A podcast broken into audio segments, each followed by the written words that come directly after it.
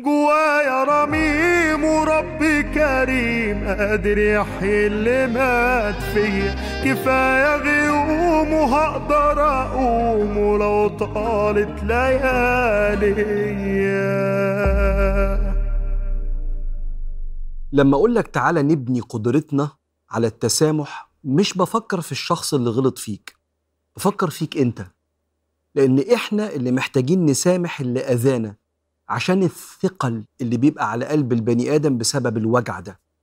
وبالتالي لو أنا وأنت هنمشي مع بعض دلوقتي رحلة إعادة بناء القدرة على التسامح هقول لك على اقتراحين. في مستويين من التسامح اختار واحد منهم.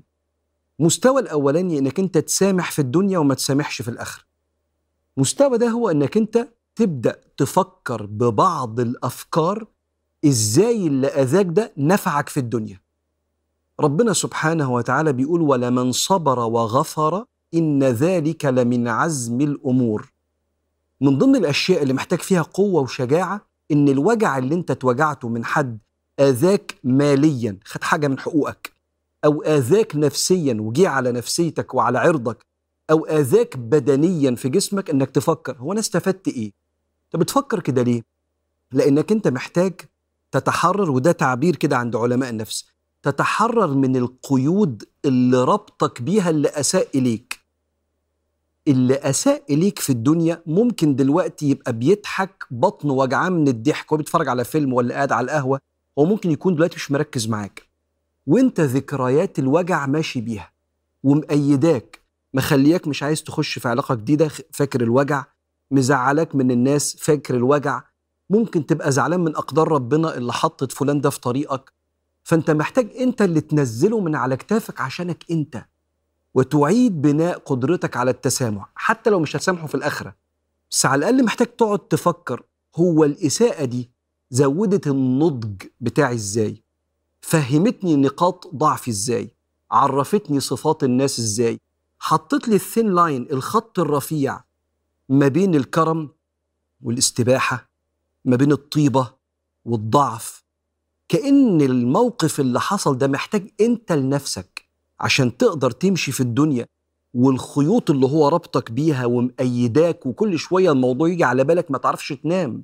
ففي فرن هنا والتاني ولا على باله. فانت محتاج إنك أنت تحاول تتسامح في الدنيا ومن علامات التسامح في الدنيا ترك الكلام في الموضوع والشكوى عنه لأن كل ما بتتكلم أنت بتجدد ذكريات الألم جواك ترك غيبة الشخص اللي أذاك ده ترك إنك أنت تبقى بتتابعه وتشوف هي الحياة دست على رقبته ولا لأ ربنا انت املي ولا لأ. كأنك اتحررت من سجنه عشانك أنت. فابدأ فكر عشان تعيد بناء قدرتك على التسامح ابدأ فكر اتعلمت إيه من الموقف ده عشانك أنت. المستوى التاني من التسامح آه اسمه العفو. اللي ربنا قال وإن تعفوا أقرب للتقوى ولا تنسوا الفضل بينكم. إنك أنت تقول طيب أنا رايح يوم القيامة عند ربنا سبحانه وتعالى عندي ذنوب صح؟ آه كل ابن آدم خطاء. في ذنوب ما تبتش عنها؟ كتير. عملتها وما حسيتش بيها واتكتبت عليا؟ أحصاه الله ونسوه. في ذنوب اتعملت بنعم ربنا أكرمني بيها وأنا عصيت ربنا بيها؟ كتير. كل الذنوب بتتعمل بالنعم. ممكن على ميزان العدل بتاع البشر الطبيعي يوم القيامة ما ما استحقش. في مقاييس البشر عفو ربنا سبحانه وتعالى. بس ربنا اداني كده إيه؟ لفتة في القرآن. اداها للكبير. كبير هذه الأمة بعد سيدنا النبي عليه الصلاة والسلام سيدنا أبو بكر الصديق. وقال له سامح اللي اتكلم على بنتك اللي هو مصطح بن أثاثة. وقال له وليعفوا وليصفحوا. عشان حاجة بيني وبينك يا أبو بكر ألا تحبون أن يغفر الله لكم؟ والله غفور رحيم. فقام سيدنا أبو بكر قال بلى أحب أن يغفر لي. فده مستوى تاني انت بتعفو برضه عشانك عشان عايز تروح عند ربنا سبحانه وتعالى يسامحك حتى لو ما تستحقش. فشوف قدرتك أنهي واحدة هسامح في الدنيا عشان أتحرر من قيود الألم والذكريات المزعجة إني أفتكر علمني إيه بالوجع ده أو هسامح كمان في الآخرة مش عشان اللي غلط فيا عشاني أنا مع ربنا سبحانه وتعالى.